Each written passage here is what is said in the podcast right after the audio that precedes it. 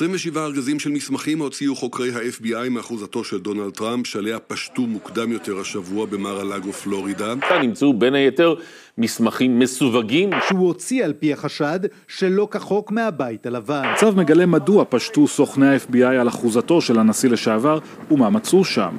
צפיתי בהתמוגגות ובאושר של התקשורת הישראלית כשהם סיקרו את הפשיטה על האחוזה של טראמפ במאר-א-לאגו. והצורה שהם עושים את זה היא צורה מאוד חכמה, הם מעצבים כותרת, טראמפ מואשם בריגול, טראמפ אה, מחזיק בקודים הגרעיניים, טראמפ אה, הולך לכלא, טראמפ לא יוכל להיבחר שוב, אולי, כן, לא, חושבים על זה.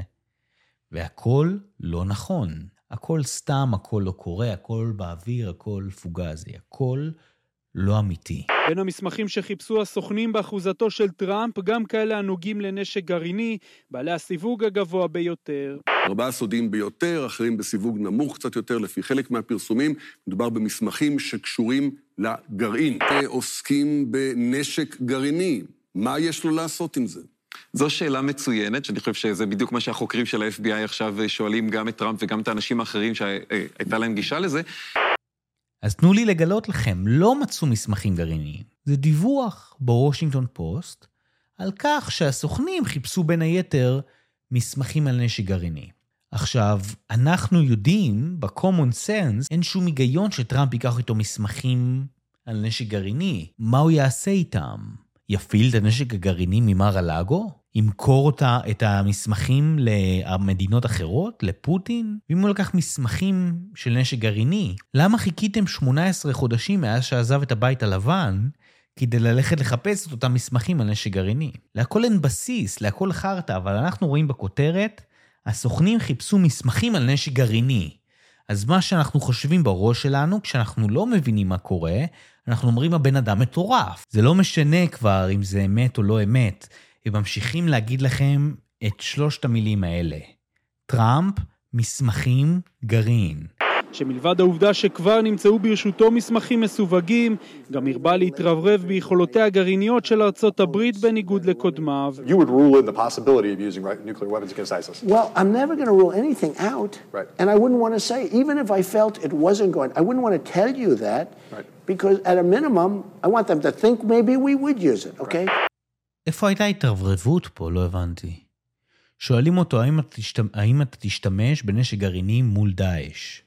והוא אומר, אני לא רוצה לענות לך, כי אני לא רוצה להגיד להם מה אני הולך לעשות. איפה ההתרברבות פה? על מה אתם מדברים? ולמרות הטון הקונספירטיבי שטראמפ עכשיו משדר, אה, צריך לזכור שבסוף החלטה כזאת בשביל התובע הכללי של ארה"ב, מרי גרלנד, שהוא איש יחסית אה, מתון, עכשיו למשפטן מאוד זהיר. שר המשפטים במונחים אמריקאים. כן, בדיוק, זו החלטה מאוד... לא נכון, שוב פעם לא נכון. מרי גרלנד, ראש משרד המשפטים בארצות הברית, הוא בכלל לא אדם מתון. מרי גרלנד הוא כל כך לא אדם מתון, שהוא אישר לשים הורים לילדים בבתי ספר, הורים שמתנגדים להכנסת תכנים שמאלניים, קיצוניים, לבית הספר, הוא אישר לשים אותם תחת קטגוריה של טרוריסטים מבית. הוא האדם האחרון שאפשר להגיד עליו מתון. אבל כשהם אומרים מתון, מה אנחנו חושבים? טוב, אם מתון יצא נגד טראמפ, אז כנראה שזה לא קטע פוליטי. בדיוק, זו החלטה מאוד אה, קשה, שלא התקבלה מתוך איזשהו מניע אה, פוליטי, אלא באמת כי יש כאן בסוף מסמכים שאסור שהם יהיו במקום שהם... אמיר טיבון, עיתונאי הארץ, מודיע לנו שההחלטה לא התקבלה ממניעים פוליטיים. הוא, הוא, הוא באמת, הוא יודע, שהוא יודע מה קרה מאחורי הקלעים. גם בעיתון הארץ לא מקבלים החלטות ממקום פוליטי. עמוסים במסמכים מסווגים שטראמפ גנב, הוציא מהבית הלבן בניגוד לחוק. לקח. לא, זוהי גניבה. זוהי גניבה, בכל מקרה זוהי גניבה, השאלה אם מעמידים לדין על הגניבה הזו או לא, הדברים האלה לא אמורים להיות. טראמפ טוען, מה אתם רוצים? אני נשיא, ברגע שאני לוקח איתי משהו לבית הפרטי שלי, גם אם זה מסמך מסווג, הוא הופך באותו רגע להיות לא מסווג. אומרים כל המומחים לענייני משפט, זה לא עובד ככה. לא נכון. טראמפ טוען שהוא הסיר את הסיווג מהמסמכים לפני שעזב את הבית הלבן, ולקח איתו את המסמכים כלא מסווגים. כל נשיא יכול לקחת מסמכים מסווגים ולהעביר אותם תהליך של הסרת הצנזורה. להפוך אותם ממסווגים ללא מסווגים. ג'ון בולטון כיהן כיועץ לביטחון לאומי של טראמפ עד שפוטר בציוץ בטוויטר, היו זמנים, והוא מתאר היום את יחסו של... לא נכון. בשעה 11:58 ביום שלישי העשירי בספטמבר 2019, טראמפ צייץ. הודעתי לג'ון בולטון אתמול בלילה שהשירותים שלו לא יהיו, אה, לא יהיה צורך בשירותים שלו בבית הלבן. אני לא מסכים איתו בהרבה מההצעות שלו. בקיצור, הוא צייץ על כך שהוא פיטר את ג'ון בולטון. הוא לא פיטר אותו בטוויטר.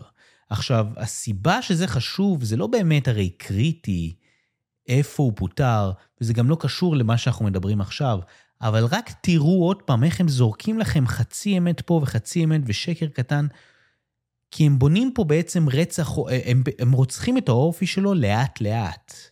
הם רוצחים אותו בעינויים. טיפה פה, טיפה שם. כי אדם שמפטר אנשים בטוויטר חייב להיות אדם לא בסדר, אדם שאנחנו לא מסכימים איתו. אז הוא זורק את השקר, החצי שקר, השקר הלבן הזה, השקר הזה שלא באמת משנה. כבר עבר, עברו שנים מאז, זה לא כזה משנה כבר. זה כן משנה.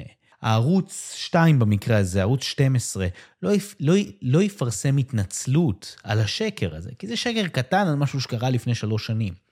אבל ככה הם עושים את זה שקר קטן ועוד שקר קטן ועוד שקר קטן, ואז אתה, אתה מסתכל על טראמפ, אתה אומר, הבן אדם מחזיק מסמכים גרעיניים, הבן אדם חסר אחריות, גונב מסמכים מהבית הלבן, חושב שהוא יוצא מהבית הלבן ופתאום המסמכים הלא מסווג, המסווגים יוצא, הופכים ללא מסווגים, אה, מפטר אנשים בטוויטר, יועצים ביטחוניים מפטר ככה, הבן אדם מטורף, הבן אדם לא אמין, איך לעזאזל מישהו יבחר בו? אבל זה לא נכון. זה הכל שקר קטן על גבי שקר קטן, על גבי שקר גדול, על גבי שקר קטן, ואז נוצר לנו סנדוויץ' של שקרים. הם בונים פה סיפור כדי לעצב את הדעה שלכם. אוהדיו של טראמפ משוכנעים כי מדובר בצד מכשפות פוליטי. אחד מהם, ריקי שיפר, אפילו הסתער שלשום בנשק חצי אוטומטי על מטה ה-FBI באוהיו. מבטיח לנקום את הפשיטה על אחוזתו של טראמפ והחרמת המסמכים. פחות או יותר חצי מארצות הברית הצביעו לטראמפ. תומכיו של טראמפ טוענים שמדובר בציד מכשפות. אחד מהם אפילו ניסה לפרוץ ל-FBI. עכשיו תראו מה הם עושים. אחד מהם ניסה לפרוץ ל-FBI. על מה אתם מדברים? אדם משוגע ניסה לפרוץ ל-FBI. אדם לא בריא בנפשו, או אדם מטורף, או וואטאבר, איך שאתם רוצים לקרוא לזה. איך אתם מעיזים להגיד שאחד מתומכיו? תארו לכם, אומרים, אחד מתומכיו של אה, לפיד, אחד מהם אף ניסה לרצוח את... מה אתם מדברים? מה? עכשיו עוד פעם, כשאתה שומע את זה בראש שלך, ואתה לא מבין מה קורה, אתה אומר, בואנה, התומכים שלו מטורפים לגמרי. מה, זה חצי מהמדינה. באולפני הטלוויזיה מיהרו להופיע אלה שמצדדים בו. Raids are a last resort, but today in many instances it's being used as a first resort. ואלה שמתנגדים. It feels both astonishing and sort of inevitable in equal measure. אלן דרשוביץ, משפטן תומך טראמפ. אלן דרשוביץ הוא אחד הדמוקרטים הכי ותיקים, הכי הרבה שנים, תומך המפלגה הדמוקרטית. הפעם היחידה שהחשיבו, שבה חשדו באלן דרשוביץ שהוא לא אה, דמוקרט על מלא, הייתה כשהוא טען, בגלל שהוא משפטן, אחד מהמשפטנים הגדולים בעולם ובהיסטוריה של ארה"ב, הוא טען שההדחה של טראמפ בזמן הנשיאות שלו, שעשו לו impeachment, הדחה, התהליך ההדחה הזה אינו חוקי. דאג להזכיר עם זאת שהוא לא תומך טראמפ, והוא אפילו לא תומך רפובליקנים, הוא דמוקרטי, כמו שהיה דמוקרטי וליברלי כל ימי חייו. אבל כשהם מוסיפים פה משפטן תומך טראמפ, כולנו ישר אומרים לעצמנו, או, oh, אוקיי, הוא בעצם מגן עליו כי הוא תומך טראמפ. לא, הוא משפטן, הוא מגן על המשפט ועל הצדק. וזה מה שהוא עושה במשך 50 שנה. הפשיטה התרחשה בדיוק ביום שבו נחשפו התמונות האלה. המאששות את טענות אנשי הבית הלבן של טראמפ כי הוא נהג להשליך לאסלה שבבית הלבן מסמכים בניגוד לחוק. White House resident staff were finding uh, pipes were clogged um, with paper that they believed he had flushed down. לא נכון.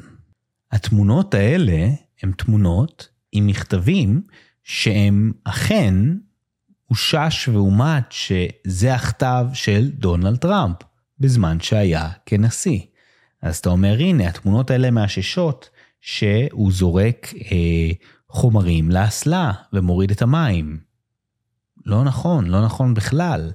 החומר הזה הוצג בפעם הראשונה בספר החדש של מגי הברמן, Confidence Man, The Making of Donald Trump and the Breaking of America. הספר הזה נכתב ממוחה של מגי הברמן, שעבדה בבית הלבן, ודרך הספר הזה היא חושפת תמונות של פתקים של דונלד טראמפ שזרוקים לאסלה. מי אמר שהוא זרק אותם לאסלה? אני יכול לקחת פתק, לחתוך, לזרוק לאסלה, ואז אתם תראו, ואתם תגידו, היי. Hey. ודרך אגב, כשאתה זורק פתק קרוע לחתיכות לאסלה, אתה לא דואג להוריד את המים ולראות שהפתק כבר לא נמצא באסלה? זאת שאלה אחת. עכשיו, דבר שני, מגי הברמן עושה מיליונים מהספר, וכל הכתבות וכל ההופעות שלה בתקשורת היא כדי לקדם את הספר. והדבר הכי מפורסם מהספר הוא התמונות של אותם פתקים בכתב ידו של טראמפ קרויים בתוך האסלה. אז האם זה קרה? האם זה לא קרה? האם טראמפ באמת קרא פתקים סודיים אה, וזרק לתוך האסלה ולא הוריד את המים? הוא, הוא כזה חסר אחריות? הם רוצים שתאמינו שכן, אבל שוב, אין כאן אישוש לטענות ואין כאן ביסוס, ובטוח הם לא הוכיחו שום דבר. חרטא על גבי חרטא, חצי אמת, דבר שלא הוכח, ועוד שקר ועוד חרטא, וככה מכינים לכם את הבגט הזה, את הכריך העבה הזה. אם טראמפ יואשם ויורשע בניסיון להסתיר מידע מתקופת נשיאותו, הוא לא יוכל עוד לשמש בתפקיד ציבורי בכל ימי חייו. ותודה לגיל תמרי, שהזכיר לנו למה הפשיטה הזאת קרתה. כדי שדונלד טראמפ לא יוכל לכהן בתפקיד ציבורי עד סוף ימי חייו. כי הם כל כך מפחדים שהוא ירוץ שוב. הרי אם הוא כל כך לא בסדר, ועשה את כל הדברים הנוראים האלה, למה הם מפחדים שיבחרו בו שוב? זה כאילו, זה כמעט כאילו הם לא מאמינים בעם. צריך להחליף את העם, אם אי אפשר להחליף את טראמפ. ההנדסה הזאת, הנדסת התודעה המורכבת משקרים, חצאי אמת, והדברים שלא אומרים לכם. הכל כדי להשחיר את דמותו ולגרום אה, אה, לאנשים להגיד די, it's too much, הבן אדם לא מתאים. והתוצאה ההפוכה בדיוק ממה שהם רצו, קרתה. מאותו יום של הפשיטה, בסיס התומכים בטראמפ רק הולך וגדל וגדל. כי עכשיו הוא נראה כמו האנדרדוג והקדוש המעונה שהממסד יצא נגדו, ועכשיו אנשים מתעוררים. כי הרבה אנשים והרבה מהרפובליקנים התחילו להסתכל על טראמפ כאדם שקצת עבר זמנו והוא קצת too much וצריך לעבור למנהיג הבא, ושהמנהיג הבא שהרפובליקנים מסתכלים עליו זה דה סנטס, מושל פלורידה, המאוד מאוד פופולרי. המומנטום של טראמפ התחיל קצת אה, לרדת אחרי שנה וחצי שהוא לא בבית הלבן. באותו יום של הפשיטה, מאותו יום, התמיכה חזרה לשיאים חדשים, אולי שיאים שלא ראינו, של בסיס של תומכים שדוחף את דונלד טראמפ לרוץ לנשיאות של 2024. יש דבר אחד שתקשורת המיינסטרים לא לומדת. הם לא לומדים לא לחזור על טעויות. ושוב, הם חוזרים על אותה טעות, והם הופכים אותו לאנדרדוג, לקדוש המעונה, לבן אדם שאנחנו רוצים שינצח את המכונה, את הממסד, וכל מה שהם התכוונו אליו לא עבד.